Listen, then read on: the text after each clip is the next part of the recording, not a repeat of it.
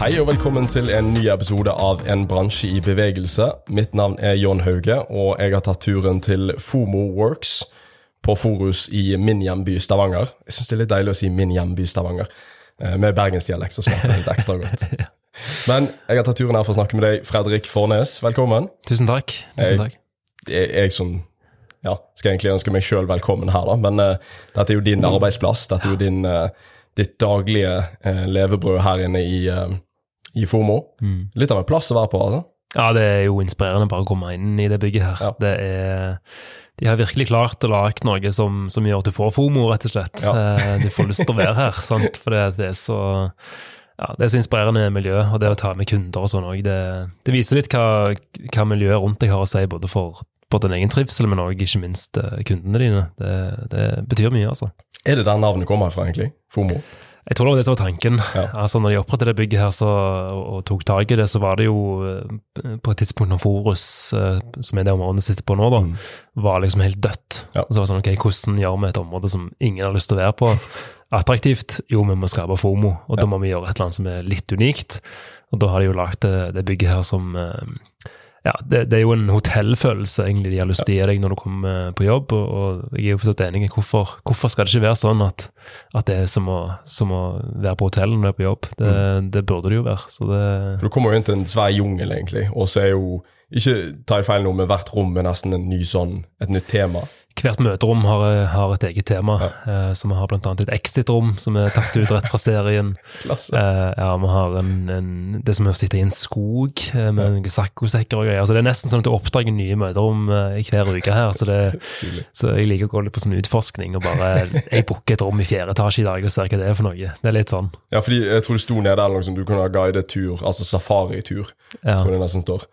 Ja, veldig spennende. Men du sitter her med Hubify, Ja. ditt selskap, Mm. som du etablerte for Vi er vel blitt et år, litt over et år ja. gamle nå, eller halvannet kanskje. Ja. Og det er jo, dere er tre stykker. Fire er vi blitt, blitt, og holder på å ansette, som er jo i, i vekst, så det er veldig gøy. Og det, Veldig eh, ja, vi har jo Det er jo litt sånn som det er med første gründerår, det er jo fullstendig kaos. så, så nå begynner vi å komme litt sånn til hektene etter det der første året hvor du eh, bare kjemper for å få håret over vannet, egentlig, og gjør alle feil du må gjøre. Eh, for du må jo lære hva du ikke skal gjøre, og, og de tingene der. Så det eh, ja, du, du tror liksom du er forberedt, eh, og prøver å forberede deg når du skal, når du skal starte opp et eget selskap, og, og tenker liksom ok, det blir stress, det blir mye jobb, eh, vi kommer til å gå på smeller og så eh, og så gjør du jo det bare ganger tre. så, så det, men det har vært lærerikt, og nå som sagt begynner vi å komme litt opp i, i flyten og, og få litt kontroll på ting, så det er deilig. Hva er din bakgrunn, da? For du, Har du startet firmaet før? Har du vært gründer før? eller? Nei, jeg er journalist i utgangspunktet, så jeg starta min karriere der. Og, og målet mitt var jo Jeg skulle bli fotballproff selvfølgelig først, og så innså jeg at det, det gikk dårlig. Så, så da var det liksom okay, hva er nest best? Jo, det må jo være sportsjournalist, da. Ja, og få betalt for å se fotballkamper. Det, det må jo være liksom Så det var målet da fra jeg var sånn eh, 14, og så jobbet jeg liksom målretta mot det. og gikk mediekommunikasjon og tok journalistikk, eh, bachelor i, det, og gikk gradene liksom i, i lokalavisene her til jeg fikk eh, eh, ja, at jeg fikk lov å dekke kamper for Stavanger Aftenblad, så var liksom det største. Gå på Vikingkamper og Oilers og det, og det der. Så det, det gjorde jeg i en del år. Men du Um, går opp på fotballdrømmen litt som 14-åring, eller? Jeg måtte vel innse etter hvert der at når jeg ikke engang klarte Værnes eh, sitt A-lag i tredjedivisjon, så, så var det kanskje på tide å finne en, eh, en litt annen vei i karrieren. Er ikke ofte du finner liksom mye selvinnsikt hos 14 år gamle fotballspillere. Nei, det er for så altså. vidt sant. Eh, Eh, Det tok, tok flere år før jeg innså at det her ikke Ja. kom til å bli noe av. Jeg tror jeg lovte min mor en eh, rød sportsbil eh, i ganske mange år til etter 14 år. ja, nei, det kan jo fortsatt skje. Ja, vi forhåpentligvis. Ja, ja. ikke pga. fotballpenger, men det, da må jeg vedde på de i så fall. Ja. Nei, så det, mm, det var liksom målet hele veien. Og så nådde jeg jo det målet etter hvert. eh, Når, jeg hadde jobbet mot i sånn ti år, så fikk jeg et vikariat på fulltid i, i sporten. For jeg hadde frilansa, jobbet liksom litt i helgene og sånn hele veien. Sånn. Men, men jeg fikk det der vikariatet på, på fulltid. eh, Det var vel typ sånn 20, ja, 2018-19, noe sånt. Og da fant jeg ut at eh, oi, dette vil jeg jo ikke. Nei. Her trives jeg ikke. så det var jo en liten sånn Du har jobbet med et mål i ti år, og så bare mm, Dette skal ikke jeg gjøre. Nei. Og da var det, det var et vikariat, og da var jeg jo sånn På et punkt der så var det jo to måneder til vikariatet går ut, og jeg er isteden står arbeidsledig om to måneder, og har tydeligvis ikke lyst til å gjøre det som jeg eh, hadde trodd og har utdannet meg som. Så da var jeg litt der, hva i all verden gjør jeg nå? Og Da var jeg veldig sånn splitta, skal jeg tilbake inn på skolebenken, hva skal jeg gjøre? Og så var det i den forbindelse at jeg fant ut at uh, kanskje jeg kan kombinere skrivingen min med det kreative som jeg har i meg, da, for det hadde jeg alltid hatt i meg. Og fant ut at markedsføring kan jo kanskje være noe jeg kan holde på med. Så det ble liksom inngangen til, til markedsføringsfaget, da. Og så har jeg hatt litt sånn ulike ting jeg holdt på med der, med reklamebyrå og eh, innholdsprodusent og kommunikasjonssjef i et software-selskap, um, før den muligheten her med Hubify eh, eh, kom opp, da. Eh, så egentlig som et resultat av at jeg hadde begynt å bruke LinkedIn litt, da. Og fått litt nettverk der og sånn. Så det, um, det ga meg muligheten til å være med på det, på det greiene her, som eh, er kjempekult å være med på. For du er vel, eh, hvis jeg ikke tar feil i forhold til når vi snakker om LinkedIn, så er du vel kvota òg på at eh, de første postene dine var egentlig bare din mor som likte? Var det det? Ja, eh, jeg tror jeg har eh, kanskje to likes, så det var min mor og en kollega, omtrent. så, så, og de har jeg latt stå sånn bevisst, bare som sånn eksempel på at alle begynner uh, med ræva poster. Ja.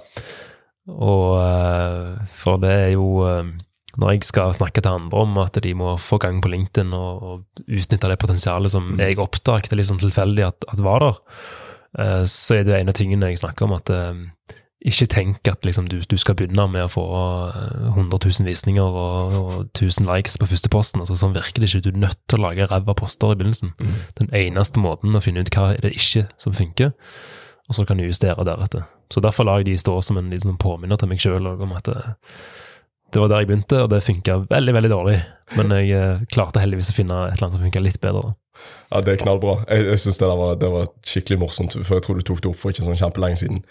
Men, men igjen, det, det er jo litt av premisset for praten her, da, altså LinkedIn. Og du begynte på LinkedIn for tre år siden, cirka? Ja. Det var sommeren 2020. Sommeren 2020. For at LinkedIn er vel for mange kanskje fortsatt litt assosiert med å være bitte litt tørt, eller jeg vet, ikke, jeg vet ikke om tørt er et bra ord nødvendigvis, men det er iallfall skummelt for veldig mange. Eh, fordi at de har ikke gravd dypt i det. Eh, og det virker veldig seriøst. Og, hvis jeg ikke tar helt feil, så før covid så var det en litt annen plattform enn hva det er blitt etter covid. Det har endra seg veldig i løpet av pandemien, ja. Um, og, og LinkedIn har jo tradisjonelt vært en litt sånn som du sier, litt sånn traust plattform som du ikke helt vet hva, hva bruker man til, annet enn å legge inn CV-en vår. Mm. Det har vært en sånn jobbsøkerplattform, og så ble det litt mer, men så fikk det litt det der image av å være en sånn Her er det menn i dress som selger produktene sine, Mm. eh, omtrent. Eh, men som sagt, under pandemien så, så skjedde det et skifte hvor folk liksom eh, rett og slett eh, ikke kunne nettverke på samme måte før. Og da ble det sånn Hvordan kan vi gjøre det nå? Jo, vi kan jo gjøre det digitalt. Og da er jo egentlig LinkedIn den, den beste plattformen, for der er jo folk i business mindset og er mottagelige for å bygge nettverk på en, på en annen måte enn en f.eks. Uh, Facebook, da, for å ta det, som, som kjennes som en mye mer sånn privat og personlig kanal, hvor du ikke blander de to greiene. Mm. Så, så LinkedIn eh, vokste fram da som en sånn en plass hvor det mm, går an å være litt mer personlig likevel, men at det er business og nettverking som egentlig ligger i, i bånn. Så selv om LinkedIn er en, en veldig gammel kanal, som har eksistert veldig veldig lenge, så er det kanskje først nå i løpet av de siste par årene at det virkelig har skutt fart og funnet sin plass. Um, og så er vi fortsatt veldig tidlig i, i den bølga der, og det er jo gull verdt for de som nå tar den bølga. For det er sånn at alle plattformer har et par år i starten hvor det er et vindu som gjør at du kan få masse rekkevidde, masse følgere, veldig enkelt. Eh, og så går det noen år, og så blir du metta, Mm. Um, og så blir det mye med større konkurranse, og så blir det mye vanskeligere å nå igjennom. Ja. Det ser du jo på sånn Facebook, Instagram. For ti-tolv år siden så var det jo mulig å få ganske bra organisk rekkevidde. Når jeg sier organisk, så vil jeg si gratis, Mm. ubetalt, ikke annonser. Um, Nesten det er vel nesten på vei til å dø litt ut òg. ja, Det virker ufattelig vanskelig akkurat nå. det, det er det. Og, og jeg har jo veldig tro på organisk innhold. Altså Vi i Hubify driver jo ikke med betalt annonsering. Vi hjelper ikke kundene våre heller med det. For vi har veldig tro på organisk innhold og veien å gå. Folk, folk vil ha det autentisk. De er ikke interessert i å bli solgt til lenger. Og da er det liksom hvordan kan du da markedsføre og selge produktet ditt når folk ikke har lyst til å bli solgt til. Så det er jo det som er liksom utfordringen, da.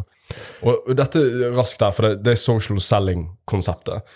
Det kombineres ufattelig godt med hvordan Peter i alle år har jobbet. For at du jobber på treningssenteret, og hvis, hvis du er en klok PT, så har du tendens til å prøve å bygge nettverk før du prøver å selge, i så fall. Men du er egentlig bare opptatt av å vise folk at ok, jeg er her, dette er meg, vi har ting til felles, du vet hva jeg gjør, jeg er her når du trenger meg. Og det har en tendens til å skaffe de beste kundene når du gjør det på den måten. Ja. Blir du pushet til å liksom ringe folk og, og liksom ja, pushe produktet ditt ned i halsen på de da, så blir det aldri noe sånn kjempekundeforhold ut av det. For at vi har folk som Når folk kjøper PT-timer med oss eller investerer i liksom en, et langvarig samarbeid med oss, så er det fordi at de føler liksom tillit, troverdighet, trygghet. Eh, det er en samtalepartner. Vi, vi skal ikke gjøre Jeg kommer ikke inn for å gjøre for store endringer i livet ditt. Sant? Jeg skal ikke be deg slutte med alt det du liker, og fyre inn alt det du ikke liker, bare fordi det er sunnere. Så jeg tror akkurat det der social selling-greiene er noe som iallfall de fleste Peter er veldig gode på i utgangspunktet, men vi ser ref den uh, videoen som du lagde for uh, Abel, da jeg tok kontakt med deg, og du grasiøst sendte tilbake en ganske, en ganske fyldig og lang video, som jeg håper de fleste her har sett, som ligger på Abel sin eh, 18. desember, tror jeg, luke. Min det bursdag. Jeg valgte å liksom ta den, spare den beste til bursdagen min. Um, og der er det på en måte at ingen Peter eller ingen fra treningsbransjen har egentlig kommet og tatt LinkedIn Mm. på noen måte. Um, men det er jo social selling de egentlig er gode på, så hvordan burde de kanskje gå fram her? Ja, det er akkurat det med at, med at LinkedIn som sagt er på et punkt hvor, eh, hvor rekkevidden er såpass stor at jeg tenker her er det jo eh, altså Én ting er at rekkevidden er stor, men òg som, som vi er inne på nå, at det, det er veldig få fra bransjen som har tatt en posisjon der inne. Så konkurransen er, er veldig liten, kontra f.eks. Instagram, hvor du konkurrerer med ekstremt mye, og rekkevidden òg er veldig, veldig, eh, veldig liten, som regel er veldig tøff konkurranse. Eh, på LinkedIn så er det jo sånn at eh, 96% av alle medlemmer publiserer ikke innhold. De, det er kun tittere, liksom. Og de sitter livredde og bare konsumerer, og, og tør ikke å være aktive. Men de får med seg innholdet, og det er jo det som er spennende da. For oss 4% som har valgt å være aktive. For vi deler jo på all den trafikken, bare med oss mellom. Mm. Det er jo det som gjør at jeg i fjor hadde fem millioner visninger på den plattformen her alene, med organisk innhold, Mm. med én post i uka, av og til to. Altså Det er jo ikke noe som jeg bruker kjempemye tid på, ja. men jeg prioriterer at jeg skal ha en tilstedeværelse over tid. Og det er jo egentlig det social selling handler om òg. Du, du er nødt til å være til stede, du er nødt til å være der over tid. Mm. Og det er jo den staminaen der som folk flest ikke har, og som jeg tror PT-er egentlig har, litt som du sier, naturlig i seg, for det er litt sånn du jobber. Um, og, og du er liksom, i hvert fall som PT, så er du, du er 100 avhengig av hva merkevare er du sjøl. Yep. Um, så det å ta den på alvor og tenke hvordan kan jeg strategisk jobbe med den over tid, og tenke langsiktig heller enn kortsiktig eh, når det kommer til salget. da. For det at eh, altfor mange som sagt har ikke den tålmodigheten til å stå i det over tid. Ja. Og det var litt sånn, Jeg, jeg kjente jo ikke til begrepet social selling engang eh, før, før liksom omtrent et halvt år siden, når jeg Mm. begynte å analysere liksom hvorf, hvorfor hvorfor får jeg så mange innkommende henvendelser fra, fra LinkedIn, og, og hos, hva er det som har generert det? Eh, og jeg begynte å se tilbake igjen på det. Og, og gjorde en analyse, da, for jeg, jeg bestemte meg jo når jeg starta med LinkedIn, så sa jeg til meg sjøl jeg vet det tar tid å bygge seg opp. Mm. Du skal posisjonere deg på en ny plattform, du skal posisjonere deg i et marked, bygge opp en egen merkevare. Jeg vet, Nå kan ikke jeg bare legge ut tre innlegg og så si nei, det funka dårlig igjen, for dette var bare mor mi og en kollega som likte det. sånn. Jeg sa til meg sjøl jeg skal gjøre det i tolv måneder. Mm. Og så skal jeg ikke ta et valg på om det er verdt tiden min eller ikke, før jeg har gjort det i tolv måneder. Mm. Det kan godt være jeg kunne sagt seks måneder eller ni måneder. eller et eller annet sånt. Eh, Jeg tror de sier at det tar rundt ni, ni måneder ikke å bygge opp en, bygge opp en merkevare. Men jeg, men jeg sa iallfall tolv måneder. Eh, Så skal jeg selvfølgelig se på hva funker, hva funker ikke. Men det der valget om er det verdt tida mi eller ikke, Mm. det kan jeg ikke ta før det har gått et år. Nei. Og når jeg da begynner å se på liksom, resultatene underveis, så var det sånn måned én det var liksom sånn 20 likes og 30 visninger og sånt, helt ræva. Eh, måned to så begynner jeg å finne litt mer sånne ting ut. så da er det liksom, Nå sier jeg bare noen tall, da, men sånn eh, 500 likes, sant? 1000 visninger, det begynner å komme seg. Uh, og på måned sånn fire-fem så er det jo ganske decent tall på hvor mange som har likt det, hvor mange som har sett det. Så det, det ble jo en del tusen visninger videre. Jeg tror jeg hadde runda 100 000 visninger. Men det var jo null kroner i salg. Ja. Ingen henvendelser. Og der hadde jo de fleste gitt seg. Mm. De hadde jo tenkt nei, nå har jeg holdt på i fem måneder, ingenting her, det er jo ikke vits. Men jeg hadde jo som sagt sagt at jeg skulle gjøre det i tolv måneder, så jeg bare sånn, Jeg kjører på. Og så på måned seks, det var så sykt fascinerende, det var akkurat bare sånn der. Klikket så på en knapp, og så bare nå. Og så begynte det å renne inn omtrent daglige henvendelser i innboksen. Eh, Og når jeg da begynner å liksom analysere hvorfor er det det skjer, så er det jo det at jo, men det tar jo faktisk et halvt år å bearbeide den målgruppa Mm. og bygge opp den tilliten til at de tenker oi, jeg har behov for en tjeneste som han har gjort meg oppmerksom på at han kan løse. Jeg har tillit til han, fordi at han har gjennom seks måneder vist hva kompetanse han har, hva meninger han har, hva personlighet han har. Eh, og da har jeg lyst til å gå til han. Um, så, så det er jo egentlig det du gjør med social selling, det er jo å snu om fokuset fra de som allerede er i kjøpsmodus, og det er veldig, veldig få til enhver tid. Mm. Det største problemet til de fleste bedrifter i dag når de skal markedsføre seg det er at de glemmer at 95% av målgruppen er ikke klar for å kjøpe akkurat nå. 95% er de rette folkene, de har behov for tjenesten egentlig, men de er ikke bare klar over helt ennå.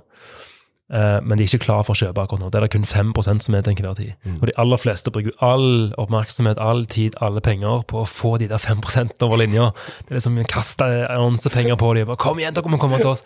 Sant? Og det er fint, det. For all del, det er bra du klarer å kommentere de 5 Men det, var jeg, det jeg tenkte da, hvis vi fokuserer på de 95% det er jo en enormt mye større gruppe. Mm. Hvis jeg kan påvirke de, så er jo potensialet mye, mye større. Og det var jo det jeg skjønte, at det er jo det jeg har gjort. På de seks månedene så har jeg flytta folk over til den 95 %-gruppa. De har plutselig blitt oppmerksom på hva jeg kan hjelpe dem med, eh, på hvem jeg er, og hva jeg står for, osv. Og, og så går de sjøl over den 5 %-gruppa, for de blir klar for å kjøpe. Mm. Og da trenger ikke jeg gjøre salget engang, for da vet de hvem de har lyst til å komme til. Og da kommer de til meg, og da er det nesten sånn du trenger ikke Altså, du kan ta hva pris du vil, omtrent, Mm. fordi de har lyst til å jobbe med deg. Mm. Så du slipper å gjøre salget, du slipper spørsmål om pris, omtrent, eh, og du får en mye mer lojal kundegruppe enn hvis du igjen bare tenker kortsiktig og tenker jeg skal få de der 5 over linja og gi de masse rabatter og få de inn, og så Mm. pisser du bare i buksa for å holde deg varme. For det, de, er ikke, de er ikke de lojale kundene som kommer til deg fordi at du er den du er og har lyst til å jobbe med deg over tid. Og der ryker det jo ekstremt mye tid og penger i forhold til annonsebruk og i forhold til sant? Og jeg føler ikke nødvendigvis alltid det er superbra for merkevaren heller. At alt alltid Nei, er betalt annonsering. Og det er et veldig godt poeng at hvis du, går, hvis du begynner å snakke selgende budskapet til de 95 da, Mm. og det er jo det som er når du legger ut annonser osv., så, videre, så vil du vise ikke det inneholder kun de 5 Mm. men de 95 vil òg se det. Mm. Og for de så blir det turnoff, rett og slett, fordi at det blir for salesy, eh, det blir for tidlig i prosessen. Da opplever, det, opplever de det som at du er på jakt etter pengene deres. Mm. De, de opplever det ikke som at du er ute til å hjelpe dem. Du er på jakt etter pengene deres, og da blir de negative. Så det er liksom det der eh, Og og det ser jeg jo en del, dessverre, på LinkedIn òg, som de som bruker LinkedIn feil, da. Det er jo sånne typer som eh, hvor du, du får en forespørsel, og så godtar du, og så går det ett sekund, og så kommer det en salgspitch i innboksen. Hei, jeg driver, med PT-tjenester, skal, skal vi ta en prat? Liksom. Mm. Og da, da er jeg sånn Slett, blokker. Eh, ja, print ut eh, logoen til firmaet ditt og brenne det omtrent i peisen. Altså, så en del av de. Ja, det er så fælt. Eh, og, og så er det noen som liksom gjør det regnestykket og tenker jo, men jeg, hvis jeg sender ut eh, 300 sånne meldinger, da, Mm. så er det jo alltid to som svarer. Eh, og det er jo to salg. Altså, ja, det er, det er fint, bra. To salg du ellers ikke hadde fått, flott. Men de 298 andre som ble pisseirriterte, som du har ødelagt forholdet til, Kommer aldri tilbake. ta de med i regnestykket òg. Mm. Ja, det, det er et regnestykke du ikke har lyst til å gjøre. Nei, det, det har du sannsynligvis ikke lyst til å gjøre. Nei. Men det der er jo, det er jo litt sånn det, Dette er jo veldig mange som har eh, Jeg refererer ofte til liksom bloggere og vloggere. For at de har i utgangspunktet fått til det å bruke Skal ikke si at de ikke bruker mye penger, da, men de har jo ikke brukt penger på annonser vanligvis. Mm. Men de klarer å skape organisk rekkevidde fordi at de skaper et publikum. Ja. Og Det er ikke alltid at de gjør en tjeneste for deg, men det er jo veldig ofte at de ender opp med å selge et produkt. Og det produktet har en tendens til å gå ganske bra. Og det er jo bare fordi at det er tillit og troverdighet bak det. De føler at de kjenner personen. Jeg føler vi, vi er blitt veldig lite kildekritisk. Blitt veldig sånn fascinert av hvis, hvis noen med type autoritet, eller hvis noen som er ganske åpen, da, forteller deg om et produkt de liker, eller bruker et produkt som de liker, så har vi mye lettere å få kjøpe inn i det produktet. Nesten uansett. Altså det, det, det, jeg, føler, jeg føler dessverre at kildekritikk er blitt noe som ikke er stort fokus på. Merker du det rundt på LinkedIn? Ja eh, Altså eh, jeg, jeg føler mm, trenden er at vi blir mer og mer sånn eh, Vi vil alltid ha det autentisk, da. Mm. Det er liksom hele veien Alt koker ned til at vi vil ha det autentisk.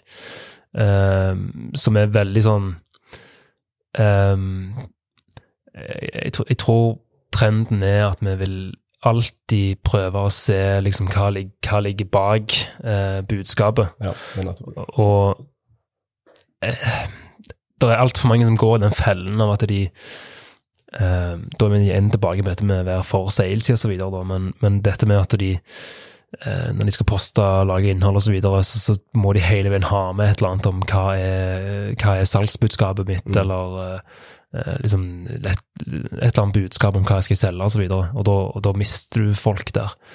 Um, så mm, så jeg tror det der med å finne finne den, den rette måten å kommunisere på som gjør at du treffer publikummet på en måte som gjør at de ja, at de kjennes autentiske, og at de ikke minst stoler på deg, det er, det er helt avgjørende. Uh, og, og som sagt, altfor mange går i fella. Jeg ser ofte en del gode poster hvor, hvor folk deler ganske bra innhold, og så runder de av med et eller annet sånn uh, Ta kontakt med meg i dag hvis du vil ha en uforpliktende prat om uh, PT-tilbud. Mm. Og da er det sånn Der, der mister jeg hele troverdigheten til deg. Ja. For det, igjen, det er nesten det samme som å si 'husk på, jeg vil ha pengene dine'. Mm. Det er hele agendaen min med dette. Um, så det der å prøve å finne balansegangen der, og, og, og lage innhold som, eh, som kjennes autentisk, troverdig, og ikke selgende, selv om det i essens er selgende, da. Eh, det er jo en sånn øvelse som, som ja, krever litt øving, rett og slett. Eh, og hvor du òg må nesten sitte litt på hendene, for at det, det føles av og til litt sånn feil at du ikke skal ta med et eller annet om hva, hva er det du skal selge for noe. Mm. Men eh, det er igjen Salget vil komme av seg sjøl hvis du bare gir nok kunnskap og gir nok uh, troverdig innhold da, som folk uh, stoler på. Ja, for jeg, tror det, jeg tror det er mange som ikke tenker over, eller som ikke har tilliten nok til at folk finner, finner ut hva du gjør. Altså de, de, det er veldig vanskelig å ikke finne ut hva du gjør hvis du driver med, hvis du er PT, iallfall. Ja. For det blir ofte veldig tydelig. Ja. Og da er det jo sånn, hvis du er den som klarer å senke terskelen mest for at folk skal ta kontakt når de først trenger det, så ja, så tar de kontakt. Uh, og det, det tror jeg veldig mange, som, veldig mange som er flinke, ikke noen flinke Peter, men veldig mange som er flinke til å selge og har levd av det ganske lenge, er jo veldig klar over disse tingene. Sånn én til én på senter. Uh, for det er jo det vi vanligvis gjør. Vi prater med mye folk, sørger for at de liksom føler seg tilfreds, uh, at de føler seg tilpass på senteret, at vi har ting til felles vi kan snakke om. sånn at de også, Vi vet jo at treningssenteret blir en sånn arena der folk òg vil komme inn og bare prate. For det er ikke så mange arenaer for voksne utenfor arbeidslivet å være på.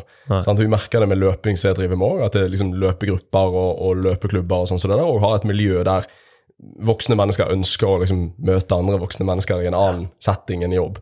Uh, og for folk på treningssenteret så jeg tror mange PT-er glemmer litt at folk er der òg for å koble litt av og slappe litt av. Og det å være vennlig med folk og, og høre på de og lytte på de og Veldig undervurderte ting, altså. Ja. Og ikke liksom alltid gå i den Du, skal vi ta en uforpliktende prat, Ja. på en måte. For jeg har aldri su vært superkomfortabel med det sjøl, men jeg har jo vært på et senter i veldig mange år av mitt liv, og vært veldig åpen om meg sjøl, og delt mye. Og da får du får veldig mye tillit. Får veldig mye troverdighet. Og det hjelper. Og det trikset å klare å ta det over til LinkedIn eller over til sosiale medier, er ikke veldig mange som lykkes supergodt med det. For jeg tror veldig mange er liksom, det ligger i bakhodet deres at de er pusha til ok, men ta kontakt for en uforpliktende prat, sant? Ja. eller du finner meg her og her. Og, og det, jeg skjønner det du sier, det er en skikkelig sånn øvelseting å ta det vekk Ja. og stole på at det kommer til å gå fint. Ja. For du, du blir veldig trent på at det skal liksom ligge der. Sant? Pitchen må være der. Ja. Og, og sånn som på Det er tid, eller hvor skal du selge eventuelt. da. Eh, Sånn som, på, sånn som jeg gjør det på LinkedIn. Der, er- på LinkedIn er jo mitt mål salg. Mm. Um, og jeg, eh, i fjor, i 2022, så solgte jeg for fire uh, millioner kroner. Ganske respektabelt, må jeg si. uh, og, og det er 100 innkommende henvendelser. Ja. Jeg har aldri spurt noen om de har lyst til å kjøpe, det er folk som har kommet til meg. Og um, jeg har aldri, i hvert fall i 99% av postene mine, og de 5 millioner visningene jeg hadde der, så er det liksom 4,9 i hvert fall av de er innhold hvor jeg ikke snakker noen ting om hva jeg selger for noe. Mm. Ehm, men der jeg snakker om hva jeg selger for noe, det er jo på profilen min. Mm. Så jeg pleier å si at innholdet som du lager, det er på mange måter der du gjør deg kjent, eh, der du forteller folk hvem du er, hva du står for, hva du kan, osv. Når folk går inn på profilen din, da, da er de inne i butikken. Mm. Når de er på profilen din, da har du lov til å si hei, jeg heter Fredrik, jeg driver med det og det og det. Her kan du sjekke ut nettsida mi, osv. Eh, så, så for min del, altså, nå har jeg eh, siste 90 dagene sånn 100 000 visninger på innleggene mine, men jeg har òg 10 000 profilvisninger. Mm. Og sant, Selv om jeg ikke snakker noen ting om hva jeg selger, de 100 000 visningene, så har jeg 10 000 mennesker som er inne i butikken min, Mm. som et resultat av det. Så innholdet er innkasteren, egentlig. Mm. Og så får du folk inn i butikken, og så må du ha en bra profil som forteller hvem du er, men der kan du få lov til å si hva det er du holder på med. Mm. Eh, så det å skille mellom de to, og tørre altså ha innhold som bare igjen ikke blir selgende, men som forteller hvem du er og, og hva du kan, og som, som du er inne på, ha, ha mot til å eh, Rett og slett være modig i kommunikasjonen. Det vil si tørre å vise litt hvem du er. Tørre å vise litt eh, personlighet. Det er på den måten du kan skille deg ut. Og så vet jeg at det, det er ukomfortabelt for de aller fleste. Og det er særlig sånn, det, Jeg syns det er sykt fascinerende når jeg holdt på med LinkedIn-foredrag og kurs og coachinger nå i, i ja, to år, iallfall. Ja, for du, du var nylig på en ganske fin tur òg, du. Ja, jeg eh, hadde en liten svipptur til Bermuda av alle plasser i verden. Det Helt sykt. for å holde et LinkedIn-kurs der. Så det jeg pleier å si, det er liksom pass på hvis jeg begynner å poste på LinkedIn, for det kan ende opp på Bermuda. Uh, Syns ikke det er det verste stedet å være. Nei, altså. det var helt ok.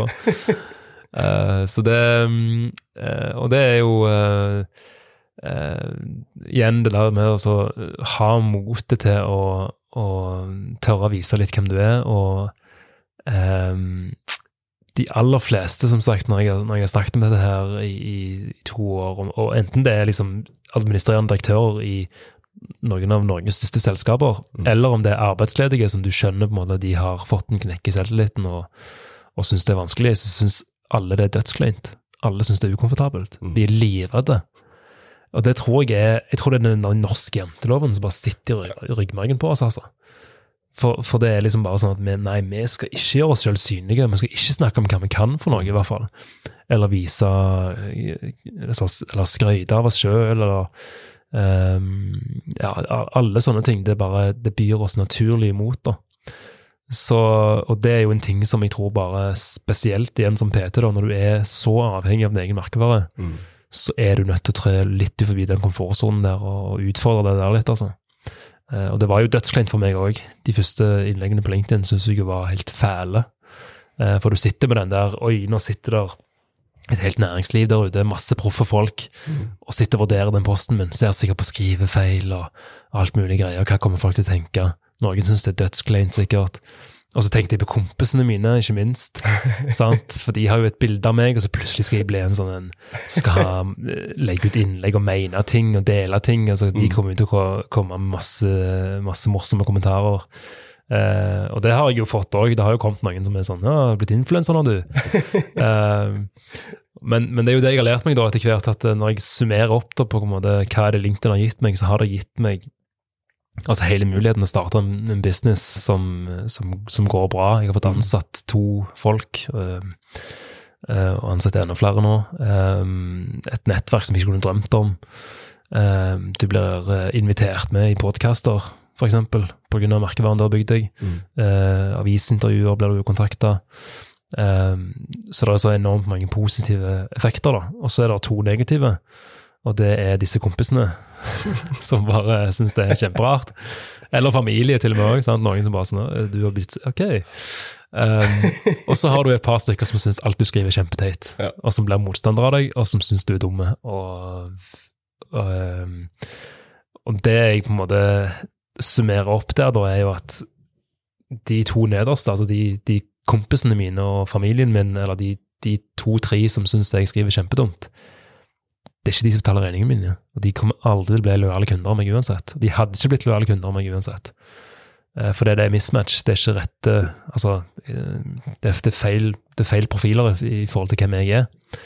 Så, så det er egentlig bare en sånn Jeg ser på det som en sånn viktig filtreringsjobb, egentlig. At jeg slipper å bruke tid på dem, jeg slipper å sende tilbud til dem, jeg slipper å starte et samarbeid som ikke hadde funka. Mm. For vi er uansett ikke en match, da. Så, mm, så, så er det en øvelse da å lære seg å cope med at noen, noen vil være uenige, og noen vil stille kritiske spørsmål osv. Eh, og det er jo alltid sånn, det er jo klassisk at du Hvis det er 99 som er kjempeenige, og den ene er uenige, så er det jo den du henger deg opp i i starten. Ja. Um, men det er som sagt en, en øvelsesgreie hvor, du- hvor du blir herda. Og så er det jo òg fint å vite at LinkedIn er jo et mye, mye finere nettsamfunn enn eksempel Facebook, som er verdens verste nettsamfunn. Der er det så mye fæle greier. Ja, Begredelig. begredelig. ja, det er helt fascinerende å se de gangene jeg poster et eller annet på LinkedIn, og som gjerne også blir posta på Facebook, og ser forskjellen på kommentarfeltene. Uh, det Jeg, jeg har lest noen av de sakene dine som også har blitt postet på Facebook. Ja. Uh, og iallfall i liksom avisartikkelformat på Facebookene Ja. deres. Og det er helt Nå skal det si, må sies at dine artikler har en bedre sånn positiv til negativ ratio enn de fleste, da. Så et eller annet bra gjør du iallfall. Altså du skiller deg ut i en ganske sånn positiv retning. Men jeg, jeg tror det òg liksom Jeg tror det Altså, vi liker jo ikke alle, så det å forvente at alle skal like oss, er jo litt ignorant. mm, Og så er det jo òg det der at uh, det er veldig kjekt av og til å tenke hvor mange av disse negative folkene eller negative tilbakemeldingene som kommer pga. misunnelse. Ja. For jeg tror majoriteten av det Altså det er ikke sånn, Du sier jo ikke stygge ting om folk. Sant? Så det er sånn, Du er ikke slem med folk. Og da er det da er det veldig vanskelig for du, Det er ikke så veldig mye av det du skriver som sårer noen, eh, og ikke noen grupper med mennesker heller, i den forstand. Og da, da er det veldig lett å se at mye handler om misunnelse. da. Ja, og jeg, jeg ser nesten på det som en positiv ting. Nå var det en, en av mine ansatte som eh, som også holder på å bygge seg opp på LinkedIn, for det er jo en del av gamen når du kommer inn her, så må du faktisk gjøre deg synlig på LinkedIn. Uh, hun hadde fått sin første litt sånn, litt sånn kritiske kassekommentar uh, for et par uker siden, og da sa jeg gratulerer, fantastisk, endelig. For det betyr at da har du begynt å gjøre deg lagt merke til, og du har hatt en mening. Mm. Stått opp for noe. Ja, ikke sant? Og da er du noe for noen istedenfor å prøve alt for alle. Mm. Prøver du det, så kan du bare droppe det like gjerne. da- Ikke, ikke drive med det, rett og slett. Og det er jo det som er litt sånn eh, Jeg tror det er liksom avgjørende greia. Hvis du skal gjøre deg sjøl synlig, så må du på forhånd bli enig med deg sjøl om at ok, men da skal jeg være meg sjøl. Mm. Jeg skal tørre å dele, jeg skal tørre å si hva jeg, hva jeg mener, og Mm. hva jeg står for. Eh, hvis du tar på deg en sånn eh, sosiale medier-hatt og skal prøve å være likt av alle, og, og sånn, så, så blir du bare helt usynlig. Da kan du like gjerne bare droppe å være synlig, for du kommer ikke til å bli det. Ja. Eh, så, så det er sånn avgjørende greie. Eh, og så må du bare vite at det, igjen, det er en treningssak som, som blir bedre og bedre eh, for hvert innlegg du poster. Og til slutt så driter du i det, for å være helt ærlig. Der er jeg nå. Men du er jo eksepsjonelt på å svare alle. Ja. Altså dette med å være og kommentere. For jeg, jeg tror Jeg skulle spørre deg om det i sted, egentlig, men jeg tror du har merka at selv om folk ikke post, altså selv om det er mange som ikke poster, så virker det som det er flere og flere som er med og i hvert fall kommenterer. da. At det er sånn folk begynner å bli aktive på, på LinkedIn først. At de kommenterer og ser liksom, altså tester vannet og ser liksom hvordan folk reagerer på ting du skriver. Får du noen likes, får du noen tomler opp, noen hjerter og sånne ting, så gir det deg litt sånn større selvtillit til å gå og faktisk poste sjøl. Uh, og det er vel nesten en sånn LinkedIn-algoritme-boost-greier òg, at du Det hjelper å gå og kommentere på et par innlegg. Det gjør det. Det er, det er kanskje den, eh, den enkleste måten å bli synlig på, er, å, er å kommentere.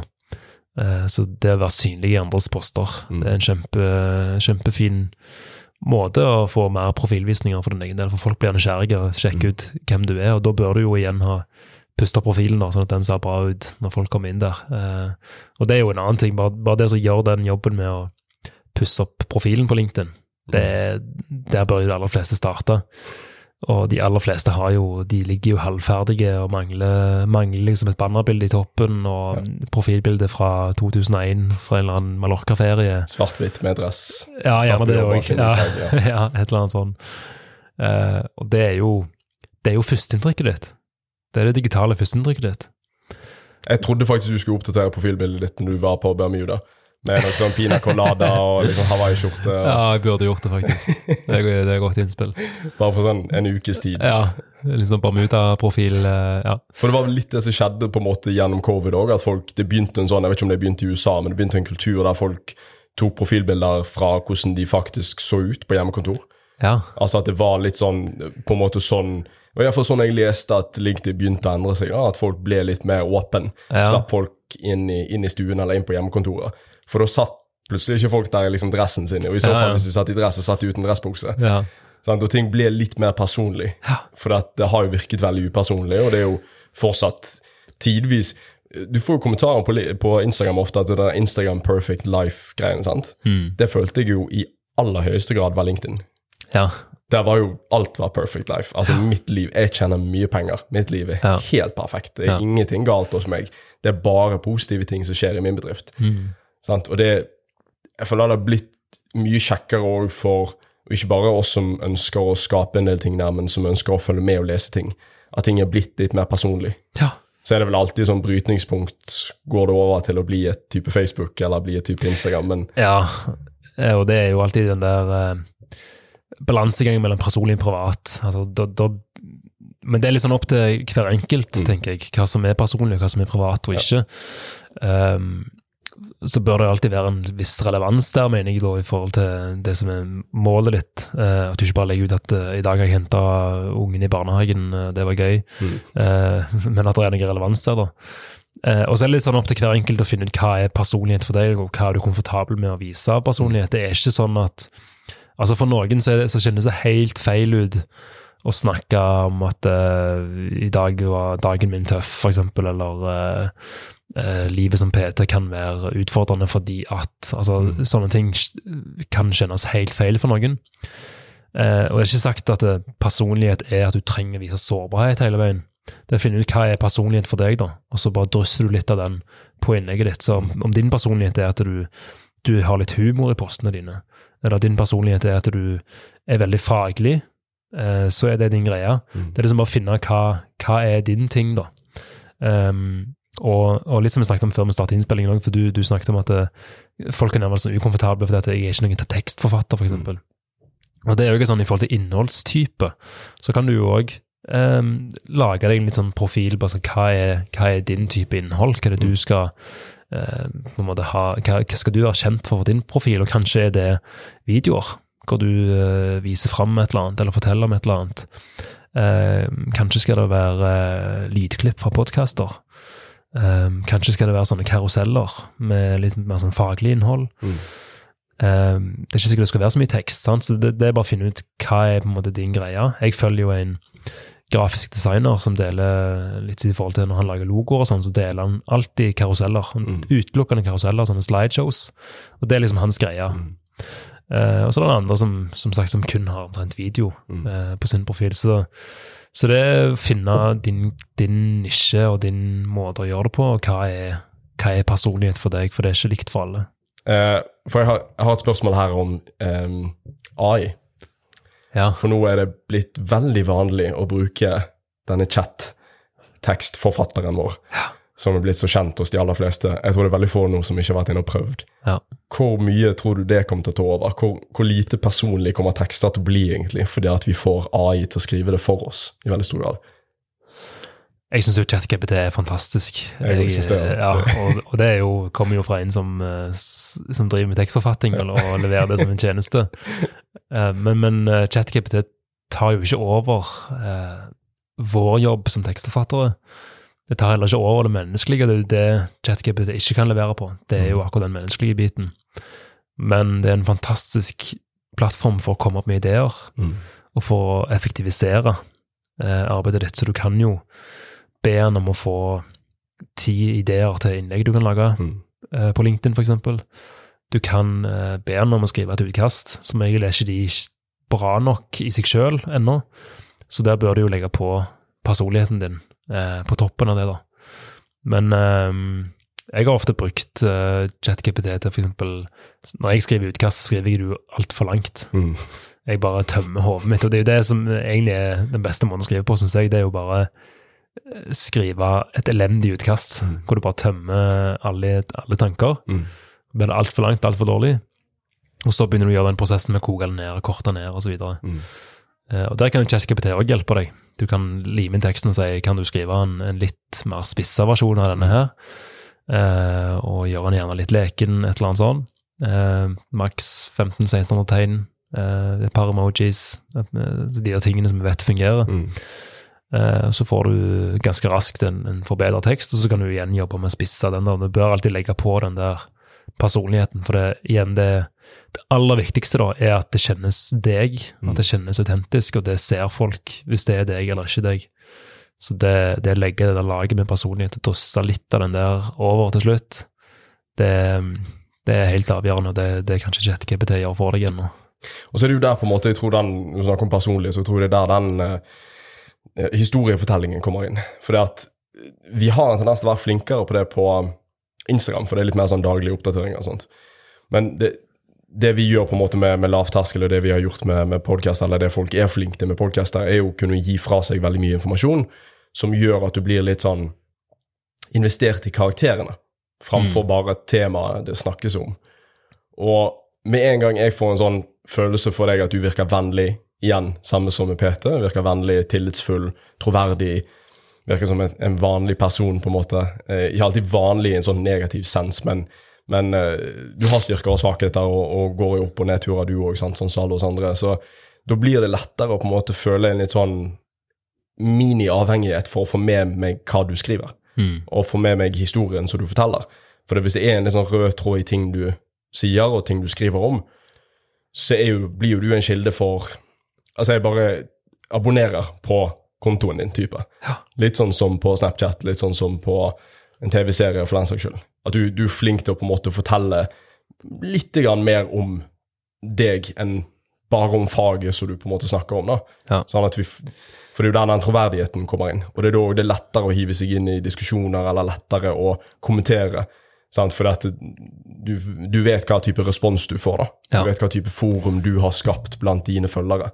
Og det gjør det litt tryggere å hive seg inn i. Ja, Altså det, det fineste komplimentet jeg får når jeg treffer folk, er Jeg har aldri truffet dem før, og så sier de jeg, jeg føler jeg kjenner deg fra før av. Mm. Og det er jo bare basert på innholdet jeg har lagd. sant? Og det er jo akkurat det du ønsker å komme, at folk føler liksom de blir litt kjent med deg. Eh, For da har du bygd den tilliten som gjør at de, de stoler på deg. Eh, Og det er du jo avhengig av, særlig som PT, da, at folk virkelig har tillit til deg. Ja. Så, og der er historiefortelling helt avgjørende. Um, det er så enkelt som at uh, eh, altså facts, facts uh, tell, stories sell, som de sier. Um, det å fortelle historier, og, det, og, og da av og til så blir folk litt sånn Skal jeg skrive lange noveller? Det er ikke det det handler om. Du kan skrive to, ja, og det kan være to setninger Mm. som likevel forteller en historie. Det handler bare om å vekke en følelse, egentlig. All kommunikasjon handler egentlig om å vekke en følelse. Og nesten uavhengig av hva følelse det er. Altså om, om du gjør folk eh, glade eller triste, eller om de kjenner på at jo, dette har jeg jo kjent på, så du blir litt frustrerte, kanskje. Mm. Klarer du å vekke en følelse, så blir du huska. Så det er liksom alltid målet, egentlig, i alle, alle poster. Det at du skal vekke en eller annen form for følelse. Så, så det er liksom min tanke òg, alltid når jeg lager innhold. det er Hva følelse er det, er det folk gjerne sitter igjen med etter dette? Um, og at det som sagt det bør være en eller annen story. Så um, Sånn som når jeg ansatte, for eksempel, så skulle jeg dele en post om det, og da kunne jeg jo bare valgt å liksom lagt ut en stillingsannonse og sagt eh, hei, søk på denne jobben. Mm. Men det er jo sånn, det er, jo ingen story, ingenting der som gjør at folk kommer til å respondere på det. Så da tok jeg jo heller og et bilde av meg sjøl, for det, at igjen, det er ren psykologi. da, At når du har bilde av deg sjøl og bilde av mennesket, så stopper folk. De stopper ikke med bilde av eh, en Finn-koffert. sant? Du skal ha folk til å stoppe å scrolle, det gjør de når de ser mennesker. Har du, eh, har du bilde av mennesker, så får du tre ganger så stor rekkevidde Ja. på LinkedIn.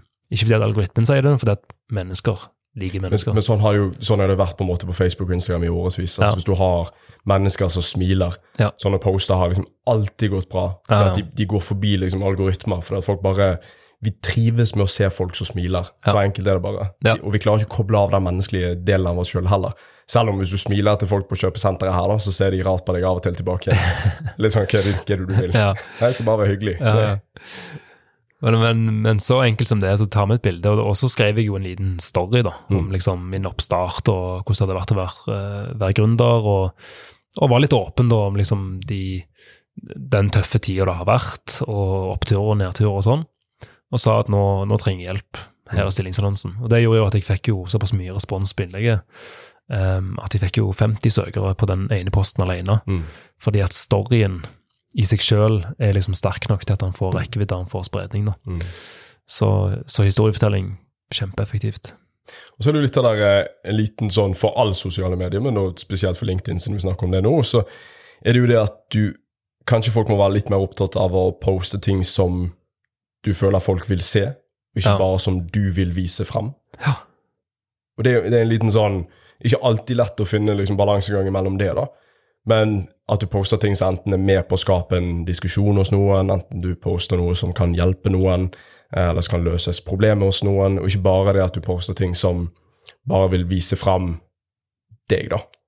Altså Ja, det, det å være verdifullt. Og, og det er kanskje noe av det største utfordringen folk har. For det at de, som du sier, de, de tenker hva det er jeg skal fortelle. Mm. Og så glemmer de å tenke hva det er leseren vil lese. Mm. Det er det som bør være perspektivet ditt. Så du bør dele ting av verdi. Du bør spørre deg sjøl hele veien ok, nå sitter det folk i andre enden her. Hva får de igjen for det å lese den posten her? Mm.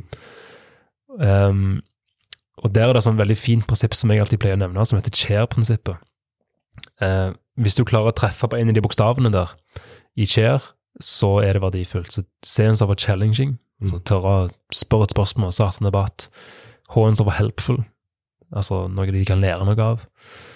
Eh, A-en står for amusing, tørre å være litt underholdende, morsom, for eksempel. Eh, I-en står for interesting, så interessant innhold, selvfølgelig. Og R-en står for relevant. Mm. Prøve å holde det relevant for dem på et eller annet vis, og at de kan relatere seg til det. Så klarer du å treffe på en av de, så er det faktisk eh, verdifullt eh, for noen. Og kanskje det siste òg, det med å gjøre det relaterbart og relevant, er en øvelse som mange kanskje bommer litt på. Fordi at de, eh, de glemmer at at folk flest skal liksom se verdien i at dette er noe innhold som faktisk er viktig for meg òg. Og jeg bruker ofte min kone faktisk som eksempel der, for hun jobber jo i, i avløpsbransjen. Ja. Eh, og, og hun var veldig sånn Nei, og det er sikkert en del PT som tenker dette er jo ikke en plattform for meg. LinkedIn det er jo for folk liksom som sitter på kontor og, eh, og den gjengen der, da. Men eh, så sa jeg til henne jo, men prøv, da, for det er veldig få som har tatt en posisjon der inne. Så fortell litt om hverdagen din og sånn. Eh, og så gjorde hun det, da. Og første innlegget hennes fikk jo 100 000 visninger med 200 følgere, liksom.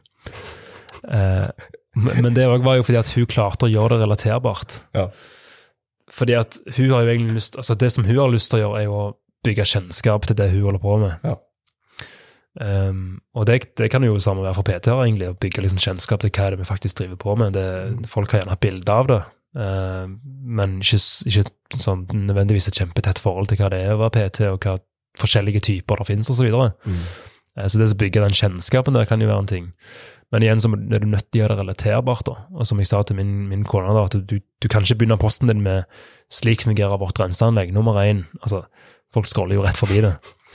Eh, men når hun da plutselig står på et bilde og løfter på en kondom Mm. ja. og sier 'nå har jeg bestemt meg for å starte, spermbank, for nå har vi fått så mange kondomer inn til anlegget vårt', da plutselig er folk bare sånn 'oi, der er det en kondom'. Da kan de relatere seg. Ja. For dette er kanskje noen som sjøl har flusha en kondom i do i løpet av livet sitt, dessverre.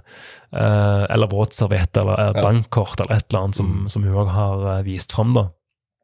Eh, og da er det plutselig relaterbart. Mm. Og da kan hun si at kondomen den stopper på ristene våre. Det er steg én av renseprosessen. Steg to det er faktisk sedimenteringsbassengene. Der skiller vi fett ut. Eh, så det å finne denne greia som gjør at folk tenker oi, det angår jo meg, Ja. Så det å starte posten med sånn, finne ut hvem er målgruppen din, hvis det er folk som sitter på kontor, f.eks. Um, så start med et eller annet som gjør at ja, Har du òg kjent at korsryggen uh, begynner å gjøre vondt etter bla, bla, bla? Uh, her er en enkel øvelse du kan gjøre for å f.eks. Ja, jeg, jeg, tror litt sånn Det er jeg opptatt av. For det at, nå har jeg på en måte Mange av mine kontakter er folk innenfor samme bransje til en viss grad.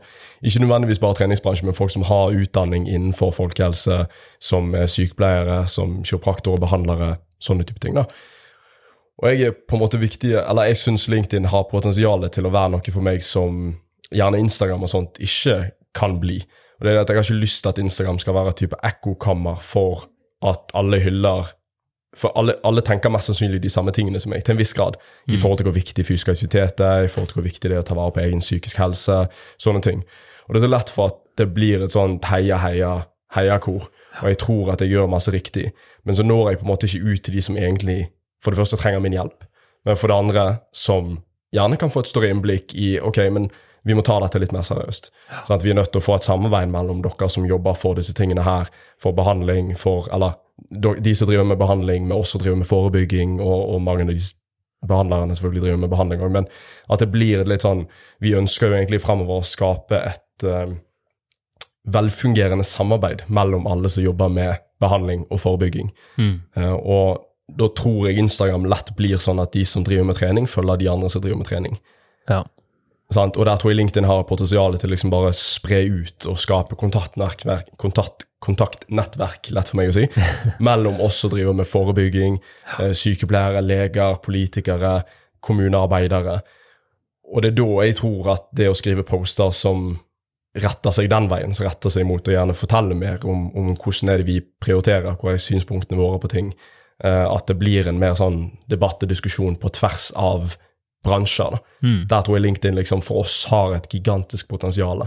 Absolutt. Og det, det, tror jeg liksom folk sitter og hører på dette her, så er det på en måte det gjerne skal være i bakhodet. Ja. Eh, for det er ikke nødvendigvis bare det å skaffe seg nye kunder. Men vi prøver jo å bygge denne bransjen som vi har, spesielt med PT. Det er kun 1% i befolkningen som bruker PT. Ja. Du finner ikke mange bransjer i verden med et like stort forbedringspotensial som PT-yrker. Men da tror jeg LinkedIn kan være et vanvittig viktig verktøy ja. for den tiden fremover. For det, som jeg fortalte deg før podkasten, så er det mye som skjer nå som, som gjør at vi, vi, bygger broer mellom helsevesenet og oss som driver med forebygging. Ja. Uh, og da tror jeg LinkedIn kan være et godt nettverk for å bli bedre kjent.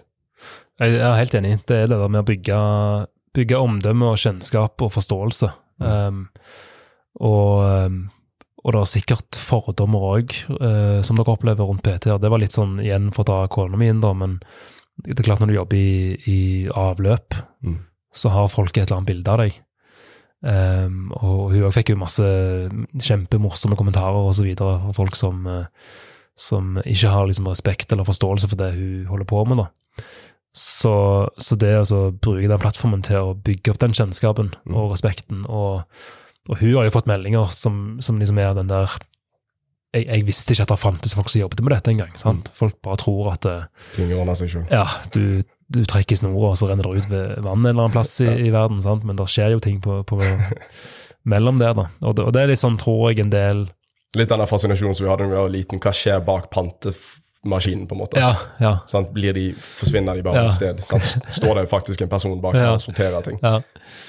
Og det er sånne ting som vi ikke har et forhold til, og det tror jeg litt sånn er for, for PT-bransjen òg. At, ja. at, vi, særlig vi som, som ikke er kjempeinne i, i den bransjen, og jeg er jo bare sånn for min egen del, så, så jeg er jo en som stort sett bare har spilt fotball hele livet og, og, og knapt nærmer meg et treningssenter. og Nesten føler det er en sånn fremmed plass. og det, mm. det er sånn, Kanskje derfor jeg heller ikke har blitt sånn helt bitt av, av basillen heller, de gangene jeg har prøvd.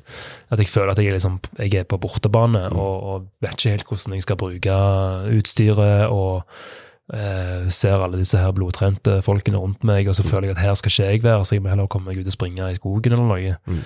Eh, og så føler jeg at PT er litt mer sånn er ikke det uh, liksom for de som virkelig skal, skal bli kjempesterke?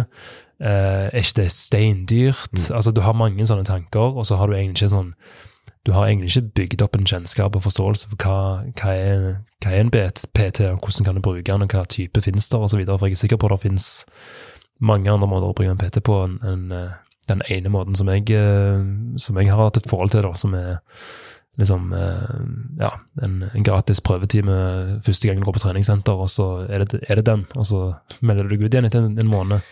Det har ikke blitt gjort en, en kjempesterk jobb gjennom de siste 10-15 årene. Det har blitt bedre, men det har, det har ikke blitt gjort en, en, veldig god jobb på å markedsføre hva Peter faktisk gjør. Mm. For tjenestene våre har på en måte blitt gitt litt vekk, Uh, satt på rabatt. Og ja, og så er det litt sånn Kanskje det at vi har på en måte vært der som folk allerede er i bevegelse og aktivitet. Og det det er, veldig mange av de vi hjelper, selvfølgelig, å optimalisere treningen eller sørge for at folk får Når de har kommet inn, at de, at de ikke slutter denne gangen. da, At det mm. blir noe som vedvarer. Men vi tror jo òg at eh, Eller vi vet jo at det er rundt 70% av befolkningen som er inaktive. Og rundt da 70 pluss pluss prosent av befolkningen som ikke er på treningssentrene. Ja. De har behov for vår kompetanse. Ja. Uh, og da er det litt sånn Hvordan skal vi da ta vår kompetanse ut, enten i kommunene eller i helsevesenet, eller få et samarbeid der det er lettere å få folk inn på treningssenteret. Mm. Uh, ikke for å henge der og gjøre det som gjerne alle andre gjør, men at du kommer der fordi at ok, men jeg er bare her for å liksom skape vaner og jobbe med PT-en eller skape bedre kultur for, for, hvordan jeg gjør ting, hvordan jeg lever livet. Uh, og så tror jeg veldig mange har en frykt for igjen som sa til deg før, at vi skal snu om opp ned på hele livet til folk. Ja. Uh, og det Jeg sto holdt foredrag i går om løping, livsstil og livet. Og da snakker vi egentlig ganske lite om løping, og mye om livsstil og livet. Og hvordan dette her med å liksom sette av tid til å lage god mat, og, og, gjerne drikke gode viner, eller god gin, eller hva Altså, vi prøver på en måte å få deg til å sette mer pris på alle elementer i livet. For livet bør være ganske bra. Det har potensial til å være ganske bra. Ja. Og da er det siste du bør gjøre, liksom å fjerne et av disse her store gledespunktene til folk i, i hverdagen. Bør heller prøve å berike dem. Sant? Vi sier ofte, eller jeg sier ofte, at vi selger handlingsfrihet. Sant? For vi selger muligheten til å gjøre hva enn du vil i verden. Mm. Penger kan ikke vi alltid gi deg, og det stopper jo mange. Ja. Eh, hvis ikke du blir ja, dratt ned til Bermuda på en arbeidstur. ja.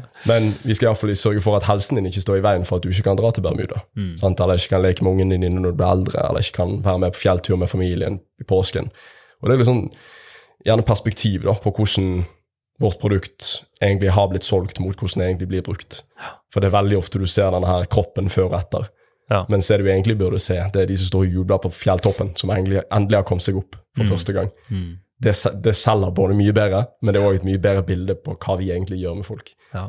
Så, så jeg, jeg, tror de fleste her bør sitte med en del ny informasjon på hvordan de kan bruke LinkedIn, og et veldig sånn stort push. Er noe, sist, noe til slutt du vil si? Nei, jeg, eh, jeg, håper jo at jeg ser eh, flere fra bransjen på, på LinkedIn, for eh, vi har garantert masse å lære av dere. Og det ser jeg jo bare sjøl når, når, vi har hun Cecilie, som jeg ansatte hos oss, som, som sjøl er veldig, veldig, glad i trening, som har blitt på en måte vår PT internt. da. Eh, hva de det har eh, for oss å ha ei som, som viser fram på når vi har faste treningsøkter eh, her på FOMO. og kan komme med veiledning på kosthold og de tingene der. Ehm, det er kjempeverdifullt. Så, så det finnes mange der ute som ikke har, ikke har et forhold eller, har, eller har en feil oppfattelse da, av hva PT er, som, som det går an å, å ja, bygge opp den kjennskapen til. Da. Så stort potensial. Også, og det er jo kanskje en, en forretningsidé, da. Eh, å ha en type For jeg er sikker på at jeg ikke hatt Cecilie internt her, da, og hatt en PT som jeg kunne knytta til selskapet, rett og slett, mm. som en sånn bedrifts-PT som kunne vært en sånn rådgiver som, eh, som var tilgjengelig på fellesøkter og eh, kunne rådgi rundt kosthold og være tilgjengelig på den måten.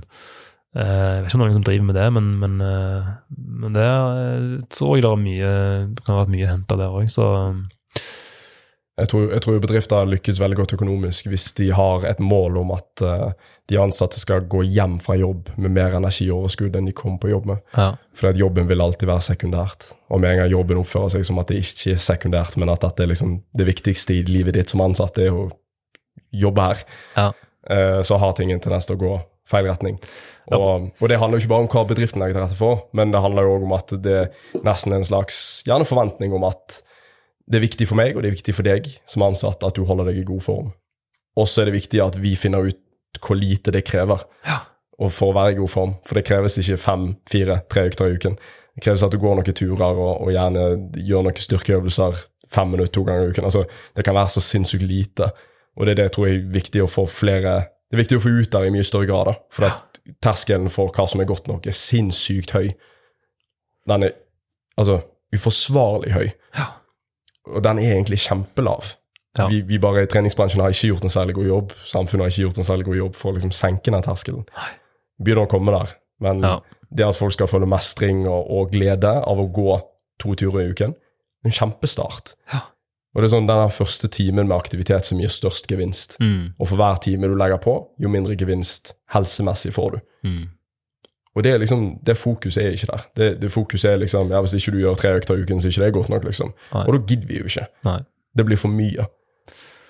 Ja, jeg tror som sagt bedriftsmarkedet er det, er det nok mye å hente på. Der er, som, der er jo LinkedIn en, en kjempebra bra kanal. Så, ehm, så det, og det, det Og der har du jo fellesskapet. Mm. Det er det vi syns har vært fint. da, at Vi kan, eh, vi har jo faste fredagsøkter. eh, og og det å få veiledning fra en person som har peiling, da, så vi ikke bare springer der ned og ikke aner hva vi holder på med, det har jo vært kjempeverdifullt. så Eh, og som kan være med å sette litt i de der målene som du sier, som ikke trenger å være kjempehøye. Eh, jeg starta med at jeg ikke klarte den, den pullupen Mm. der nede. Altså, jeg forsto ikke Det var ikke fysisk mulig å få den der bevegelsen, at jeg skulle dra meg det, var, det, det går jo ikke. Det er mange som kjenner seg igjen. Altså. Ja, det var helt umulig. Eh, og jeg vet at hvis jeg skulle gått alene på et senter eh, og, s- og hunget i den der stanga der alene, så hadde jeg syntes det var dødsukomfortabelt. Mm. Men når du har på en måte en gjeng, da, eh, hvor det kanskje er noen andre også som ikke klarer det, eh, og du har ei som er med og liksom guider deg og, og forteller deg at du skal begynne med disse her negative istedenfor, Mm. som jeg har holdt på med de noen måneder, eh, og den der mestringsfølelsen da, når du etter et par måneder ser at oi, shit, her, her beveger jeg meg. Det er ganske fascinerende. ja. Eh, og du klarer én og to, liksom. Mm. Så, så er det jo fantastisk. Så det er altså Ja, det, det er ingen tvil om at uh, den, den rollen PT-en har, da, er, er superviktig. Uh, og det er nok litt for mange som uh, ja, syns det er ukomfortabelt eller kleint, eller uh, ikke har kunnskap rundt hvordan, hvordan skal vi gjøre det. Eh, Det er mange vandrende spørsmålstegn på et treningssenter. ja, og så tør du ikke spørre. Mm. Så det å ja, det å bygge, bygge kjennskap rundt hva PT kan bidra med der, eh, tror jeg er gull, altså. Fantastisk. Tusen hjertelig takk for din tid og, og tips og triks. Det der eh, tror jeg folk bør komme ganske langt med. Så får vi se om de ender opp med Bermuda, de òg. Ja, vi ses, vi ses på Bermuda om et år, tenker jeg. Vi snakkes der. Kanon. Og kanskje, kanskje det kommer en egen LinkedIn-podkast etter hvert òg. Det hadde vært gøy. Det hadde vært veldig gøy. Kanon. Tusen takk for at du kunne være med, Fredrik. Sjøl takk. Da høres vi i neste episode. Takk